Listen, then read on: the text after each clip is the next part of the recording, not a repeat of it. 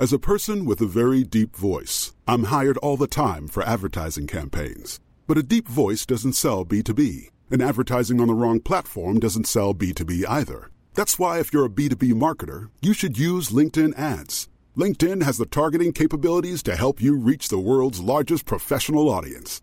That's right, over 70 million decision makers all in one place. All the big wigs, then medium wigs, also small wigs who are on the path to becoming big wigs.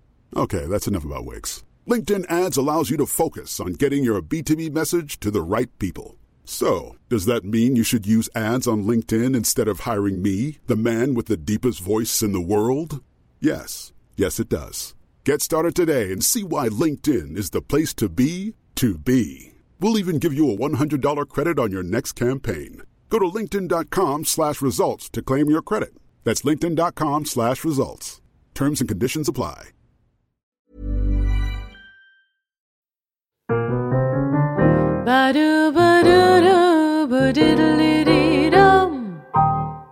Burleskpodden är en sexpositiv podcast i samarbete med Passion of Sweden som säljer sexleksaker och underkläder på nätet.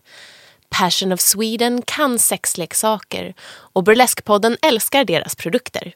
Ni hittar dem på passionofsweden.se. Kära lyssnare, kollegor, älskare och vänner. Välkomna till veckans avsnitt av Burlesque-podden. Vi sitter på Custom Music Productions som vanligt. Det är Andreas Hedberg som står för ljud och redigering. Och mig som ni hör här prata och vägleda samtalen är som vanligt eder egen Aurora Brännström.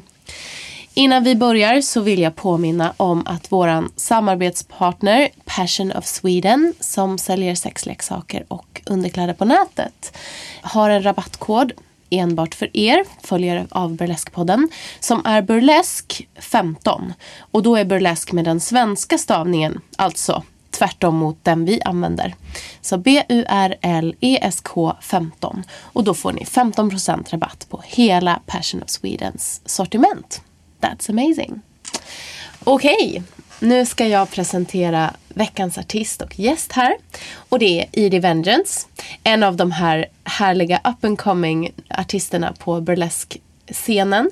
Som för två år sedan kom ut från Burlesque-akademin. Det stämmer bra. Och jag gillar att bli benämnd som up and coming. Det ja. känns väldigt bra måste jag säga. Ja men det tycker jag, det är du ju. Tack, mm. kul att höra. Ja. Vill du berätta lite grann om dig själv? Vill du fylla på här? Ja, jag har hållit på med burlesk i ungefär två år nu. Mm. Och det hela började faktiskt med att jag lyckades befinna mig på Hoochie Coochie Club. Okay. Och det här var innan jag ens hade någon koll på vad burlesk faktiskt var. Mm. Det var en bekant som heter Emily som mm. är sminkös, maskör faktiskt gör maken på Yvonne Sita och Jaha. bland annat. Okay. Som, eh, hon tog in mig på en tävling där på Hoochie Coochie. Mm. Men den hade inget med burlesk att göra utan det Nej. var instant couture. Jag skulle okay. komma dit i egenskap av stylist uh. och så skulle vi styla vår egen modell med befintliga kläder på scen. Uh. Och så var det en jury. Gud vad spännande. Det var jätte, jätteroligt. Uh. Men jag kände mig så bortkommen. För jag kom ju dit i min frisörpersona. Jag hade ju liksom en stor oversized t-shirt och hatt och grejer. Och, och sen så såg jag alla de här fantastiska burleskmänniskorna. Och jag hade aldrig varit med om något liknande. Mm. Så jag kände mig lite malplacé. Men också fascinerad. Uh. Och det var där jag träffade mitt livs första eh, då, burleskartist. Vicky uh. Butterfly. Okej. Okay. Det var fantastiskt. Jag var bak i logen och eh, hon satt på, på huk alldeles eh, drop dead gorgeous med långt rött hår och virade upp små metallfjärilar. Det var liksom som de mekaniska fjärilar. Uh. Varpå jag liksom frågade wow, vad, vad har du på G där? Vad blir det? Mm. Och så sa hon bara att du kommer få se. Mm. Och när jag stod i publiken sen och hon gjorde sin reveal och tog av bhn och uh. de här mekaniska fjärilarna flög över scenen. Oh, wow. Jag tror att det var då det hände. Uh. Den akten skulle jag vilja se, det känner jag. Ja, verkligen. Det, det var helt fantastiskt. Mm. Uh. Ja, vad häftigt. Så det var, det var där det började. Mm. Men det tog ett tag innan jag hittade till Burlesque-akademin. Just det. Så. Jag tänker att det, det är en, en aspekt som jag har tänkt att, att prata med dig lite grann om. Det här med att vara backstage. Ja. Lyssnarna av Burlesque-podden fick ju lov att lära känna dig en kort, kort stund. När jag, jag Ja. pratade med dig lite på den här releasefesten som vi hade. Så, och då fick vi höra att du ofta är stagekitten. Ett väldigt Precis. viktigt uppdrag på klubbar. Ja. Så att du har ju sett burlesque-scenen både på och bakom scenen, tänker jag. Och det är det som är så fantastiskt. Jag är så tacksam att jag har fått vara med och vara stagekitten på roliga klubbar som Fröken Frauke och Stockholm Dolls och ja, lite blandat nu. För jag tror att det har lärt mig minst lika mycket som själva kurserna och att stå på scen. Just. Att just få stå där bakom gardinerna och blicka ut över dina idoler. Lära dig vad som fångar publiken och eh, ja, vad, det, vad det är de har och vad det är de gör. Och sen så är det ju ganska roligt också att eh, få befinna sig backstage med en eh, guldinsmetad faun från eh, Paris. Eller hjälpa en underbar eh, burleskartist, ja, Linda Cherry Von Lee, att tejpa upp strumpbyxorna innan showen och fixa sådär. Just det är det. många fina möten. Ja. Jag vill ju liksom såklart höra mer om ditt artisteri. Men vill du förklara lite så här, vad betyder rollen som stagekitten? Vad, vad är det för någonting? För den som inte vet. Ja, absolut. Ja, kort och gott så kan man väl säga att eh, mellan artisternas olika nummer så har du ansvar för att de ska få tillbaka alla sina kläder som de har kastat av sig eller Ja. olika attiraljer. Och sen så har du ju även koll på ja, men ordningen och ser till att folk är redo, ska in på scen. Samt även då städa upp scenen emellan. Det kan bli lite hetsigt ibland om folk använder kletiga saker som fejkblod och, Ja. och sånt. Det. Men det är väldigt, väldigt roligt. Jag Ja. kan varmt rekommendera det till alla som är intresserade av burlesksvängen att höra av sig till till exempel Frauke eh, för att få pröva på det. Det är Mm. Just det. väldigt roligt. Ja. Det är lite samma uppdrag som jag tänker typ Eller egentligen så finns det ju såna här personer bakom scen på alla möjliga scener och, och även så att tv och film så finns det ju alltid någon som är där bakom och bara fixar så att allting fungerar. Så att alla mår bra. Och som jag tänker då också lär sig väldigt mycket om branschen. Precis. Ja, men Det gäller ju att se till att det är bra stämning, att alla känner sig trygga. Om det är någon som är lite nervös och behöver lite kava så kan man eh, springa efter det. Ja. Så, och det, det är väldigt roligt. Ja. Eh, men eh, ja, det händer ju att man gör ett bra jobb. Sen händer det ju också att man gör bort sig lite grann ibland för att man blir väldigt starstruck. Ja. Som, som sist så Ja, vad roligt. då var det en artist som precis innan hon skulle gå upp på scen så var hon ganska nervös. Så jag, jag var en riktig fluffer och jag sprang iväg och fixade lite prosecco till henne. Ja. Och sen så innan hon skulle gå upp så, så sa hon till mig i panik God, I really need to pee. Varpå jag på en gång lutar mig fram och viskar i hennes öra You can pee in my mouth. Alltså, och det är så här bara, jag fattar inte vad som flög i mig och varför jag sa det och förlåt Frauke att jag sa så till en av artisterna. Men hon skrattade Ja. och hon glömde att hon var kissnödig. Ja. Så mission accomplished. Hon gick upp på scen och gjorde fantastiskt bra ifrån Ja. sig. så ja, det kan handla om lite allt möjligt att Och där revealade du din fetisch. Nej. Precis! Alltså grejen är att hon kände ju inte ens mig. Så Nej. hon kanske trodde att jag var en sån fangirl att jag Ja. faktiskt menade allvar. Ja. Men nej. Not into that. Ja, nej, men vad härligt. Men då känns det som att du också det blir någon slags humoristisk, eh, så här, boostande härlig Ja. roll. Det är ju det. Det är ofta en så härlig energi backstage. Jag, jag, tror, jag tror att det är, det är mitt favoritställe i, i hela världen. Att få vara backstage, få se alla göra sig i ordning. Och det är så mycket olika sorters artister och det är ofta en väldigt positiv energi på klubbarna.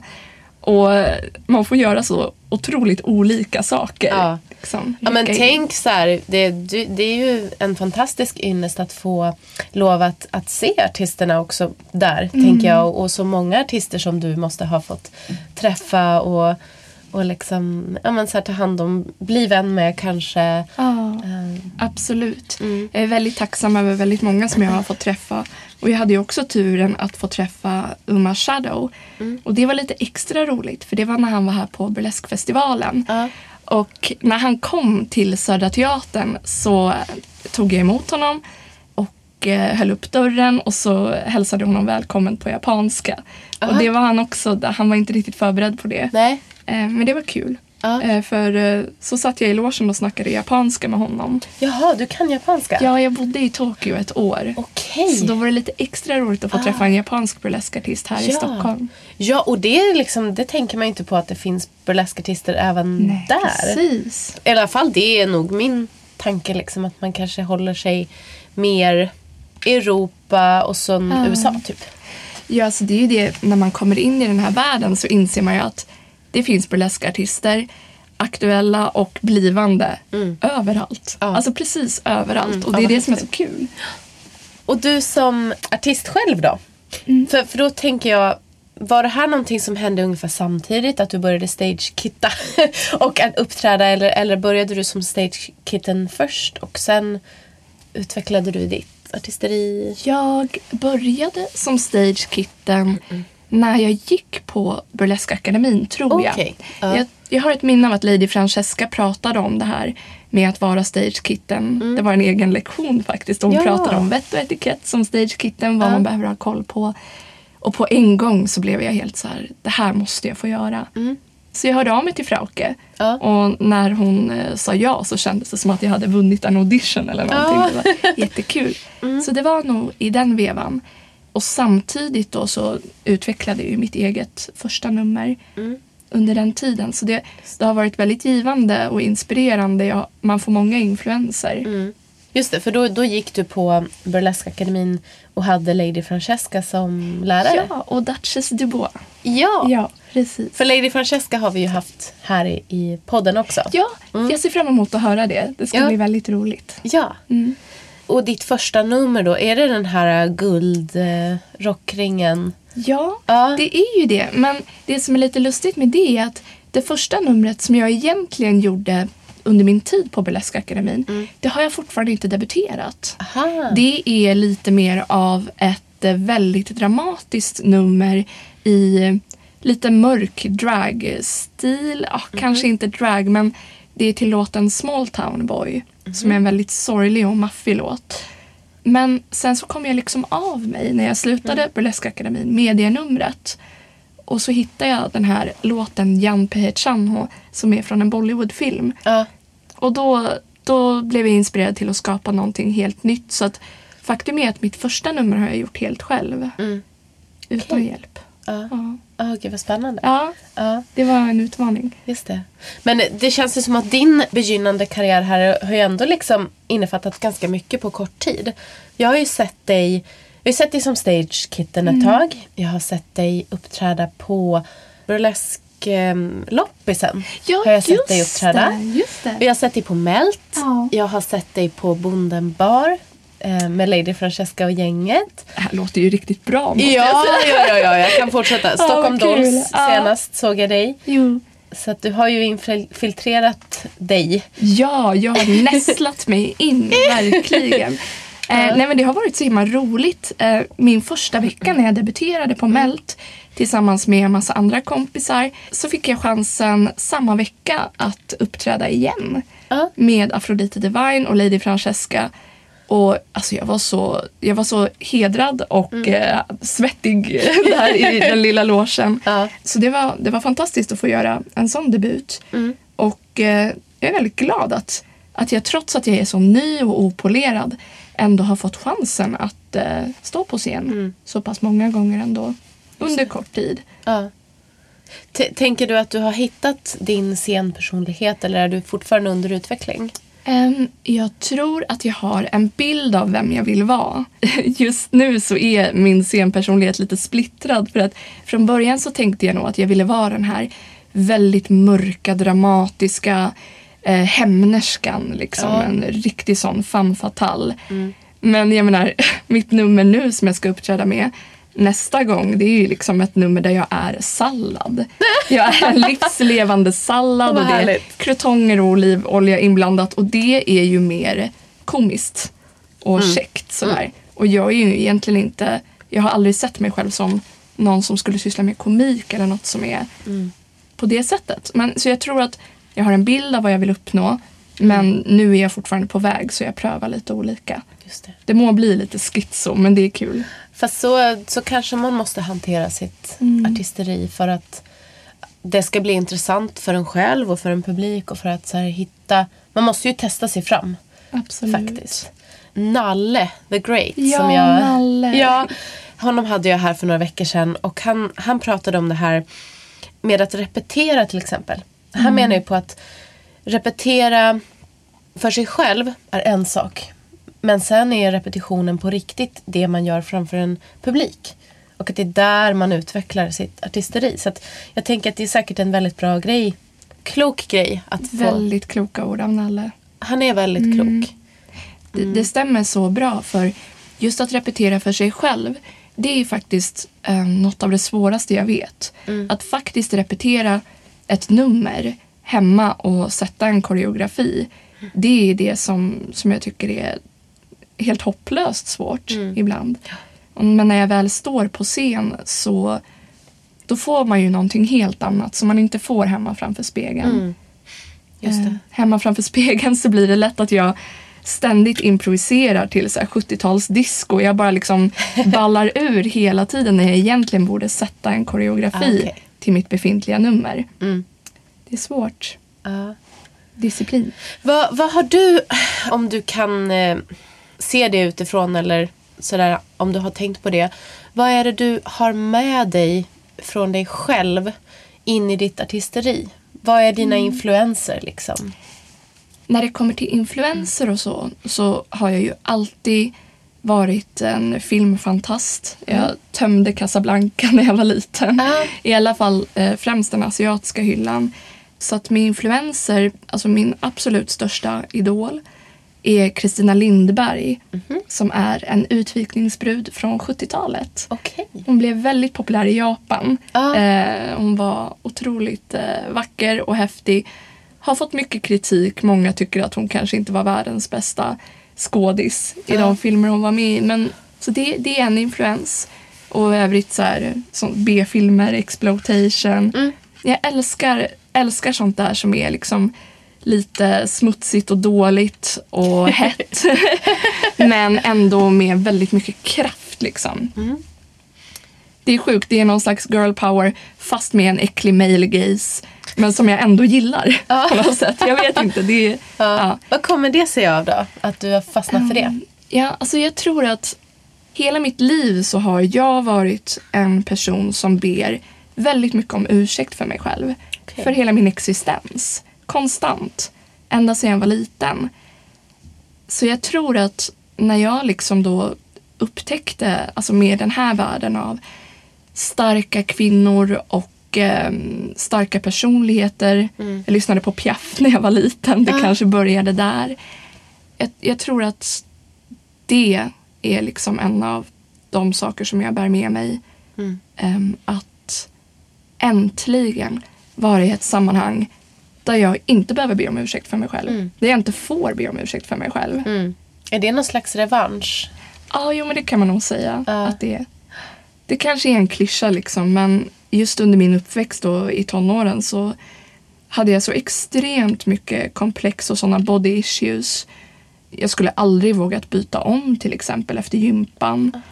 Och eh, ja, men jag blev kallad eh, liksom, eh, jag blev mobbad för att jag inte hade några bröst och sådär till exempel. Så att klyschigt nog, ja det kanske är lite av en revansch för nu, ja bröst eller inte, nu, nu visar jag dem. Utan blygsel. Ja, och för fan vad det där är så jävla tråkigt tycker jag. Mm. Att, att liksom ens kropp ska vara i skottlinjen på det sättet. Ehm, Absolut, och när man är, när man är så sårbar. Mm. Så nu när jag tittar tillbaka på bilder av mig själv från den tiden. Alltså en sån liten sparv. Verkligen. Em, så att, eh, jo, jag tror att det är mycket det jag bär med mig in nu. Att jag har vuxit Och jag har hittat en värld där jag får skina så starkt som, som jag alltid har drömt om. Mm. Eller i alla fall försöka. Ja. Men där är ju verkligen burlesk-communityt, burleskvärlden en, en bra plats tror jag. Oh, Det- ja. Man känner ju det. Jag har ju också alltid känt det att här får man faktiskt vara med sin kropp och, och allt man har utan att bli liksom ifrågasatt. Utan det är Exakt. så här, tas emot, det är kärlek. Ehm, Precis. Jag har nog aldrig varit i en mer kärleksfull miljö. Mm.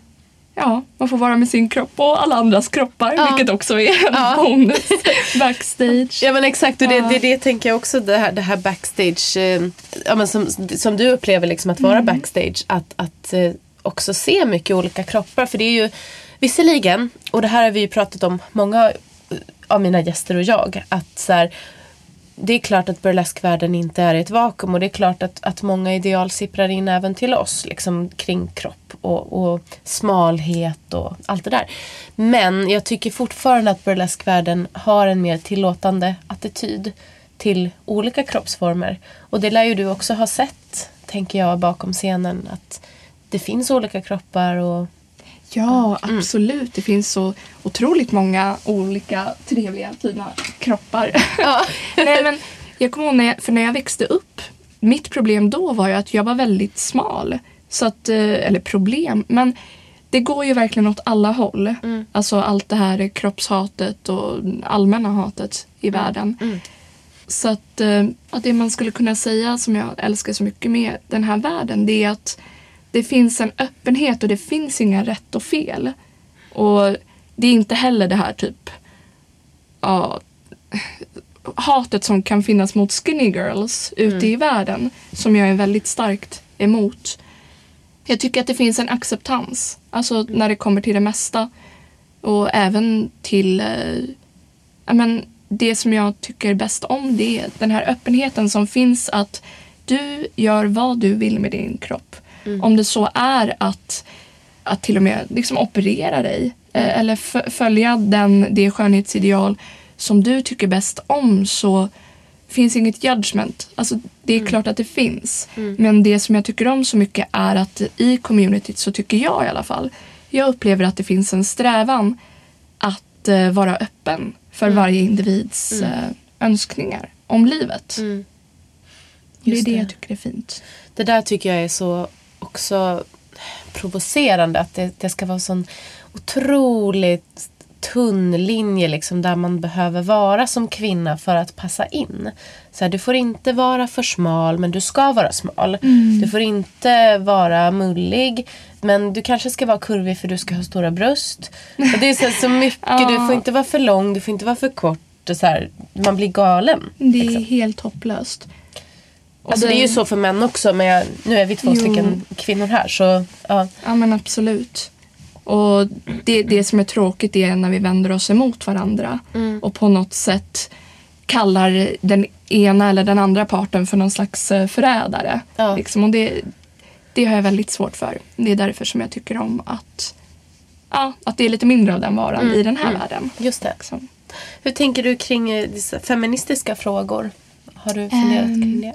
Alltså för mig så jag tror att i början så funderade jag lite över det där och jag tror till och med jag pratade med Lady Francesca om det. Eh, för jag hade väl lite ett dilemma just det här med avklädnad och alltså men, men ju mer jag har hållit på med det så har jag insett att för mig är det här det ultimata feministiska ställningstagandet.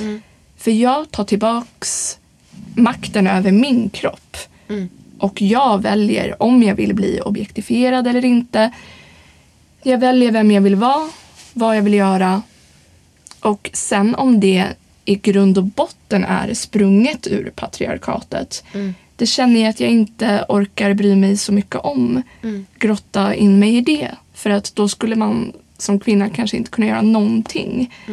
Så nej, för mig så är jag är en stark feminist eh, och jag tycker nog att det här är det mest feministiska sammanhanget jag har varit i i hela mitt liv. Ja. ja, jag kan bara hålla med. Ja. det, det är det jag känner också. Mm. Ehm, sen är ju feminismen inte en feminism. Det finns ju många strömningar. Precis. Men jag, ja, nej men det är ju så roligt att höra att, Ja. att det är en gemensam hållpunkt. Ja. Som jag tycker att vi alla på något sätt kan eh, samlas kring.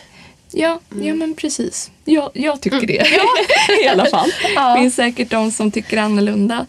Men du sa det här att du hade lite tankar kring det här med att klä av sig. Hur tänker du där? Liksom? Var, varför skulle det vara en, en motsättning för Ja. feminismen? Eller så här, hur... Det var, det var nog bara en uppfattning som jag på något sätt hade fått från världen i allmänhet innan jag gav mig in Ja, ja. i burleskbranschen. Jag tänkte väl att det här var liksom hemskt nog. Så tänkte jag nog att ah, det här är bara ännu ett sätt att liksom få visa upp eh, sin kropp och på något sätt jag, jag hade ingen aning. Jag förstod inte vad det egentligen handlade om. Mm.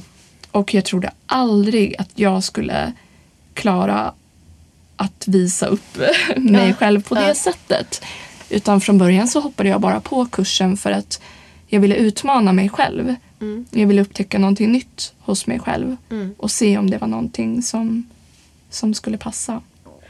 Just det. Ja, kursen. Alltså när du Ja, gick precis på... när jag, när jag hoppade på Burleskakademin. Just det. Eh, första kurs. Ja. Nej, jag tror att jag, jag, jag hade väl tyvärr den här allmänna bilden av eh, kyskhet på något sätt. Ja. Att man liksom man behöver bete sig på ett visst sätt som kvinna för att bli respekterad. Mm. Eh, vilket jag verkligen skiter i nu. Ja. Fuck that shit liksom. Ja. ja men vad härligt. Ja, Ja. men precis. Att, att, ehm, jo men just kring, Mm. kring det. Liksom att, att visa upp sin kropp. För det, då blir det ju också automatiskt att man appellerar på sexighet, Mm. sexualitet. Tänker du att det också har med saken att göra? Alltså det här med kvinnlig sexualitet. Hur det, ja, absolut. ja hur man visar upp det och vad det ger för signaler liksom. Ja. Mm. ja, men det är ju nästan som att det har varit någonting straffbart och fortfarande är. Mm. Att visar man upp sin sexualitet som, som kvinna och uttrycker den starkt så ja, men då kan man förvänta sig vad som helst. Mm. Och man förtjänar det, ungefär. Ja. Vilket är en så skev uppfattning som, Mm. som jag, man stöter på hela tiden, tycker jag. Tyvärr. Eller vad, vad menar du då? Vad är det man förväntar Ehm, sig få? Ja, men att, att folk tar sig friheten att ta på dig till exempel. Mm. De tror att eh, ja, men den här tjejen verkar vara good to go liksom. Mm. Ehm, eftersom hon klär sig som hon gör eller hon uppträder på det här sättet. Det. Det tycker jag är väldigt tråkigt. Mm. Men det finns ju också de som, som förstår att det inte är så. Utan som kommer fram som riktiga gentlemän efteråt och säger att det var en fantastisk show och så Mm. vidare. Just det. Ja, men vad får du för reaktioner oftast liksom, på dina Ehm, nummer? Jag får faktiskt eh, oftast en väldigt positiv reaktion. Mm. Och eh, det är så förlösande för att innan jag uppträder så har, har jag ofta brottats med mycket så här, ångest. Bara, vem skulle vilja titta på det här? Och Det är ju rent av oförskämt av mig att ta upp andras tid på det här sättet. Med, alltså, men du vet, Ja. jag har alla de där issues. eh, Så då är det så, det är så fantastiskt att inse att jag kan glädja folk på det sättet. Ett sätt som jag inte hade en aning om. Det är fortfarande folk som pratar om salladsnumret på Stockholm Dolls. Och det, det är väldigt roligt att höra. Mm. För det var ju också det som, när jag första gången gick på eh, Stockholm Burlesque Festival så stod jag där i publiken. Jag tror att det var Akinos som var uppe på scen, fantastisk artist. Och jag minns att jag tänkte att om jag någon gång kan få en enda person att känna ens en millimeter liksom, av det som hon får mig att känna just nu Ja. så kan jag vara så sjukt nöjd med mig själv. Mm. Så att, eh, Just det. det är väl det jag hoppas. Alltså jag, vill, jag vill glädja folk och jag vill peppa samtidigt som jag vill få en chans att uttrycka mig själv. Fantastiskt. Jag, jag uppfattade lite så här i, i förbifarten att du, du är också utbildad inom andra områden. Det stämmer. Ja, och vad, vad har du där med dig? Jag kan allt. nej, nej, det kan jag verkligen inte. Men eh, tidigare har jag varit frisör Ja. i tio år. Så det har Wow. varit liksom mitt kreativa utlopp. Och nu har jag precis eh, gett mig in på konditori och bageribranschen. Just det. Så jag spenderar mina dagar på ett franskt bageri. Rullar croissanter och sätter ihop bakelser. Och nu snart ska jag också eventuellt då göra praktik på ett chokladställe och göra praliner. Mm. Så att, eh, jag har många strängar på min lyra. Ja, men verkligen. Ja. Men eh, frisöryrket, det har du liksom lämnat? Ja, jo, jag har det. Det var en fantastisk tid. Men jag är en ganska känslig person. Jag är ganska inkännande. Och eh, att vara frisör då kan vara ganska stressande. Ja. För även om det är väldigt roligt så blir det också väldigt många situationer där du känner dig stressad och nervös. Ofta i onödan. Mm. Att man är orolig över hur, hur kunden ska känna när det är klart. Mm. Och så vidare. Och det blir en sån psykisk press som jag nu tycker att det är ganska skönt att leva utan. Ja, just det. faktiskt. Att få vara kreativ i lugn och ro. Ja. Inte med någon som sitter och granskar Ja, eh, varje drag. Inte för att alla gör det. Men, men en del. Så att just nu Gud, du skulle aldrig ha fått klippa mig. Eller så här, det hade varit synd om dig. För jag är så jävla picky mot... Jo. Gud, jag har inte ens tänkt på deras... Ja, deras känslor. Ja, jag sitter där bara nej, jag vet Ja. vad, du måste klippa om det här för att...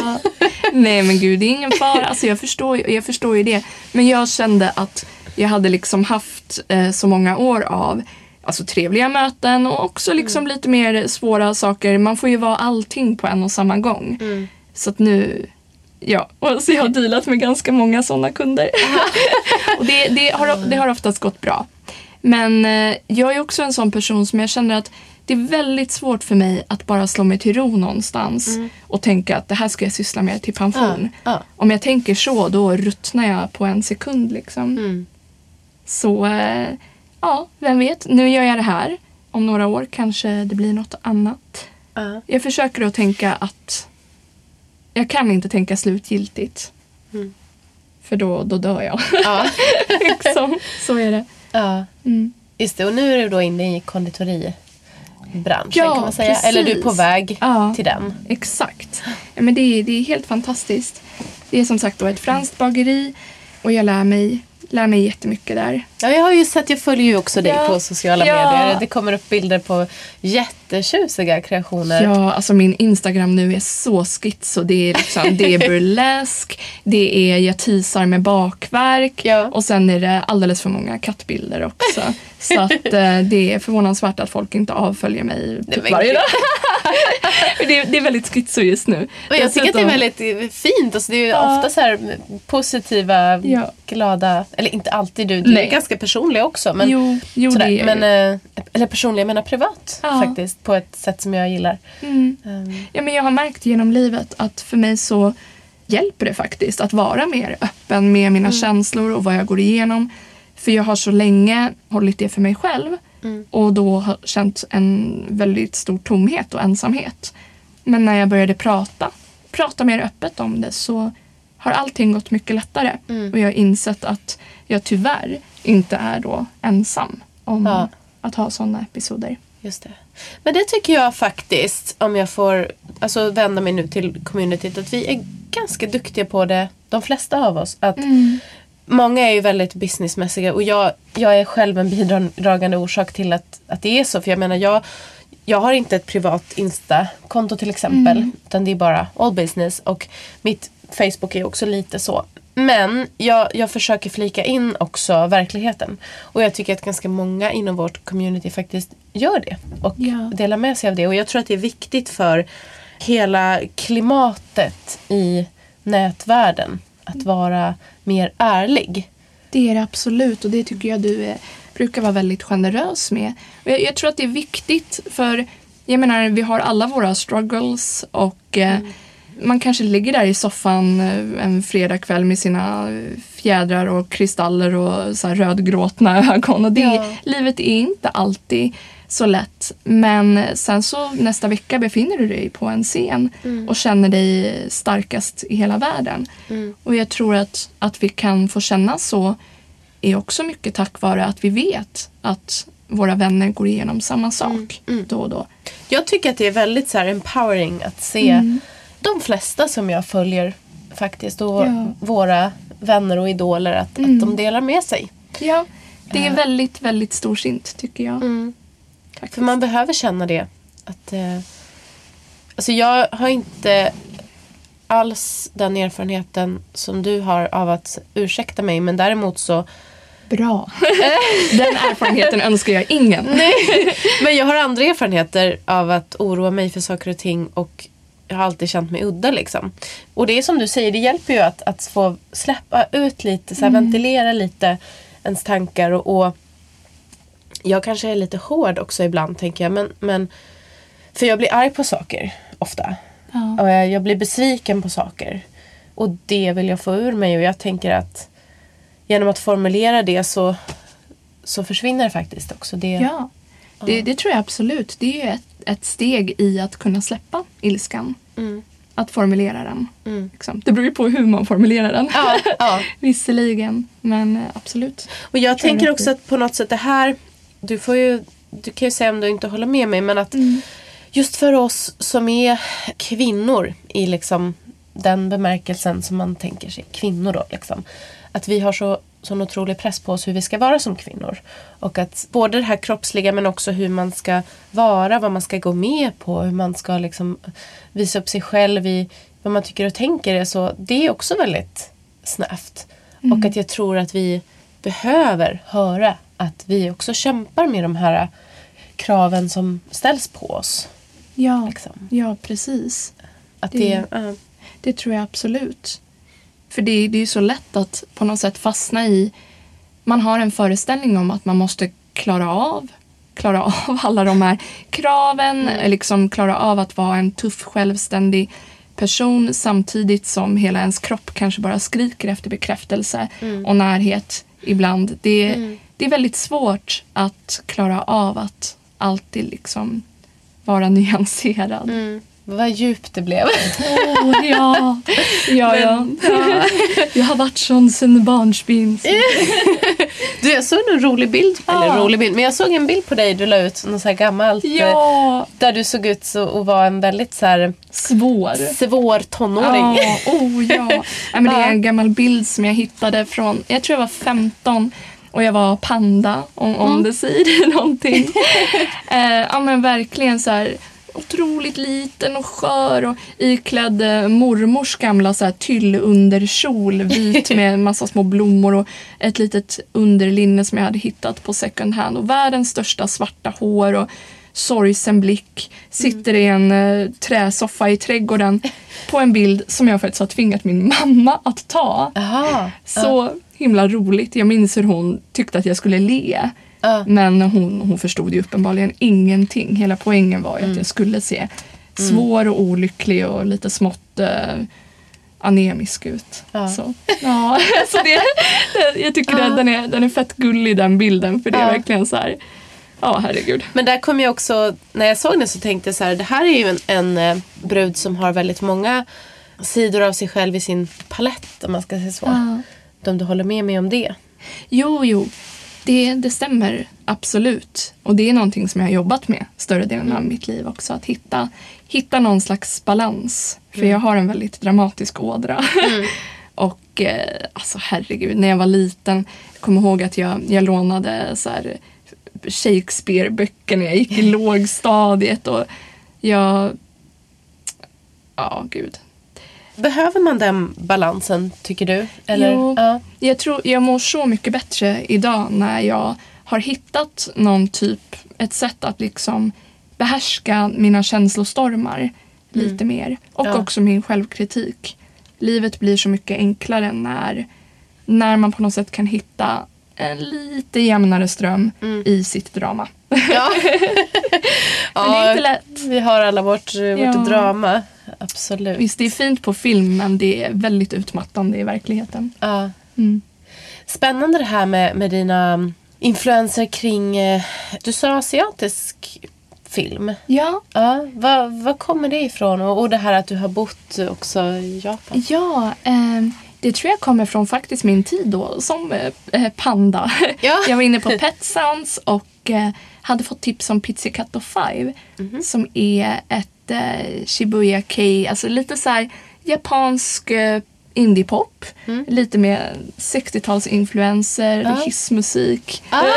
så så att jag började lyssna på dem. Och där blev jag väldigt fascinerad av det japanska språket. Började titta på deras musikvideos och sångerskan är helt fantastiskt cool och eh, de har låtar som handlar om Twiggy och där de försöker sjunga lite franska. Så det, det är väldigt mycket av allt. Där tror jag ungefär att jag började hyra massa japansk eh, film, bland annat japansk. Och eh, också då så blev det ju till slut att jag blev väldigt intresserad av japanskt mode. Och eh, åkte till Tokyo två veckor på semester.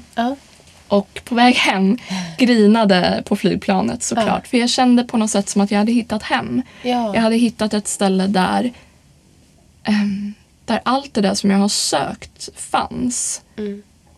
Och därav bestämde jag mig att jag måste komma tillbaka hit Mm. i ett annat sammanhang än som turist. Mm. Så ett år senare, tror jag det var, så åkte jag dit och pluggade ett år japanska. Ah, gud vad häftigt. Ja, det, det, det är det häftigaste jag har gjort, tror jag. Ja. Och jag skryter fortfarande om det. Ja, men kan inte gör bli. det med all rätt. Ja, det var väldigt roligt. Men där fick jag också, ja, jag, jag var ju liksom inte världens bästa plugghäst. Utan jag tror jag gick ut eh, så många gånger i veckan så jag kommer inte ens ihåg. Men det, det, var, fan- det var en fantastisk tid i mitt liv. Ja, det förstår jag. Mm. Vill du åka tillbaka? Absolut. Och drömmen vore ju att åka tillbaka och faktiskt uppträda Ja, ja. eh, där. Det skulle vara fantastiskt att träffa lite gamla kompisar också. Mm. Behålla kontakten med den här artisten som du träffade där. Vad- Uma Shadow! Ja, Emma Shadow. Ja. Ja, jag Kommer du ihåg mig? jag Ja, dig? precis. Exakt. Ja. ja. Gud vad jag kan relatera till det fast jag har ju liksom min, mitt Hollywood och mitt New York istället. Och där har jag inte varit än. Nej. Men jag vill jättegärna dit. Ja. Det är ju en skillnad från Tokyo tänker jag. Fast jag, jag, jag Ja. kan förstå att, att det måste ha blivit samma känsla. För jag har absolut det där. Liksom. Mm. Man känner att här är en plats där jag vill vara. Här finns det som jag söker. Ja. Jazzscenen i, i Ja. New York är fantastisk. Det verkar ju så häftigt. Ja. Jag tror att det som tilltalade mig så mycket med Tokyo var liksom dualiteten i Mhm. det hela. Att det är en så extrem stad Ja. med såna många extrema klubbar, individer samtidigt som det finns det här tillknäppta, väldigt hövliga, Mm. eh, omtänksamma, ödmjuka och lite det här med att be om ursäkt för sig själv. det finns ju till och med liksom en grammatik som, som bygger på att du liksom trycker ner dig själv lite om du pratar med någon som Ja. typ står Ja. över i rang eller vad man ska säga. Och jag tror liksom hela den dubbelheten Ja. och allt snusk som de eh, håller på med där borta trots det här pryda Det är väldigt tilltalande. Det är ju superspännande. Jag, jag förstår att utifrån det du berättar för mig att du, du kanske kände igen dig i, ja, i det. verkligen. Jag kände att här passar jag in. Liksom. Jag, jag kommer ihåg att när jag kom hem så bugade jag fortfarande lite så här hela tiden. Ja. Jag har vant mig av med det nu men vissa ljud sitter kvar. Vissa Ja. så små mellanljud som man gör. Ja. Som mm.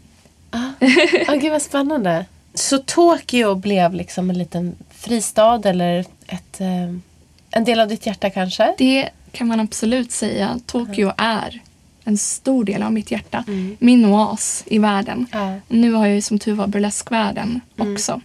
Som kan vara den platsen. Har Tokyo, finns det också med i ditt arti- artisteri idag? Eller är det någonting annat? Jag tror, jag tror nog att den tiden utvecklade mig till att bli en mer säker person. Och en person som insåg att shit, jag, jag syns och eh, jag finns och jag är ganska awesome. Eh, Och eh, jag tror att det på något sätt gav mig en säkerhet som jag inte hade innan. Ja. Men rent så här eh, nummermässigt och så, så har jag inte plockat in några sådana influenser än. Nej. Men eh, alltså sexshopparna där är ju to die for.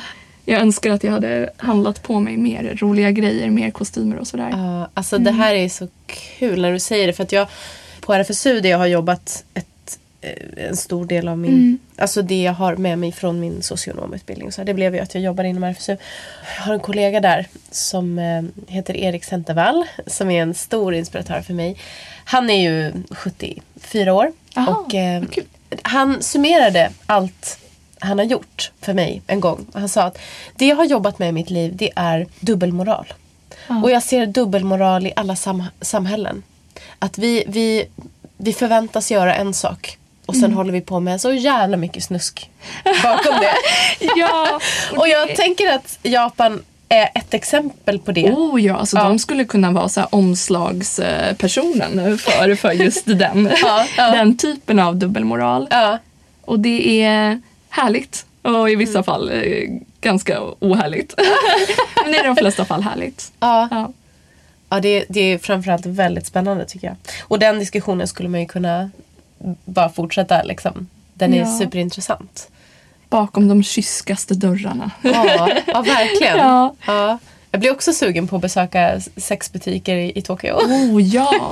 Alltså det var så underbart men lite awkward ibland när man liksom går upp för någon sån här trappa och stöter ihop med ett eh, tonårsgäng, typ så fem killar som blir helt fnittriga av att råka stöta ihop med en tjej Ja. eh, i trappen. Men det var fint det också. Ja. Nu innan vi avrundar tänkte jag, är det någonting som du vill lägga till? Som du vill säga? Så att vi inte glömmer någonting. Ehm, ja, alltså jag skulle väl vilja eh, slå ett slag för att, eh, att stötta de här fantastiska burleskklubbarna som vi har i Stockholm. Ja. Och särskilt om man inte har varit än. Alltså se till att gå på eh, det, det som bjuds på burlesk.se tror jag. Eller på Instagramkontot så finns lite updates om det. Vi har ju Stockholm Dolls, vi har Fröken Frauke, Burkläsk. Det finns en hel värld där ute för er att upptäcka. Och om ni vill att vi ska finnas kvar i era liv så är ni hemskt välkomna att eh, komma och joina. Just det.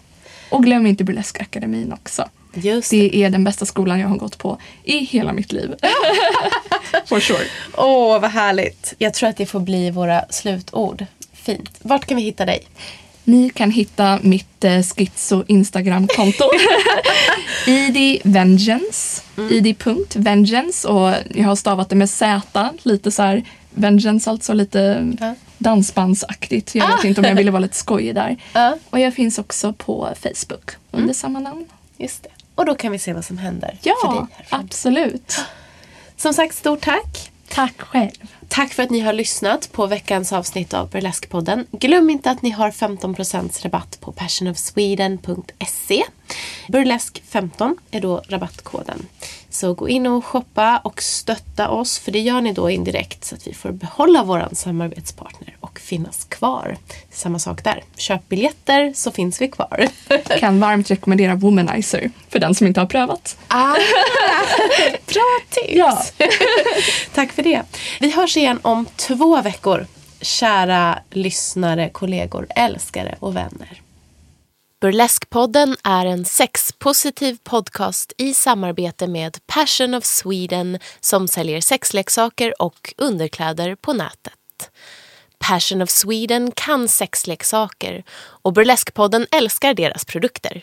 Ni hittar dem på passionofsweden.se.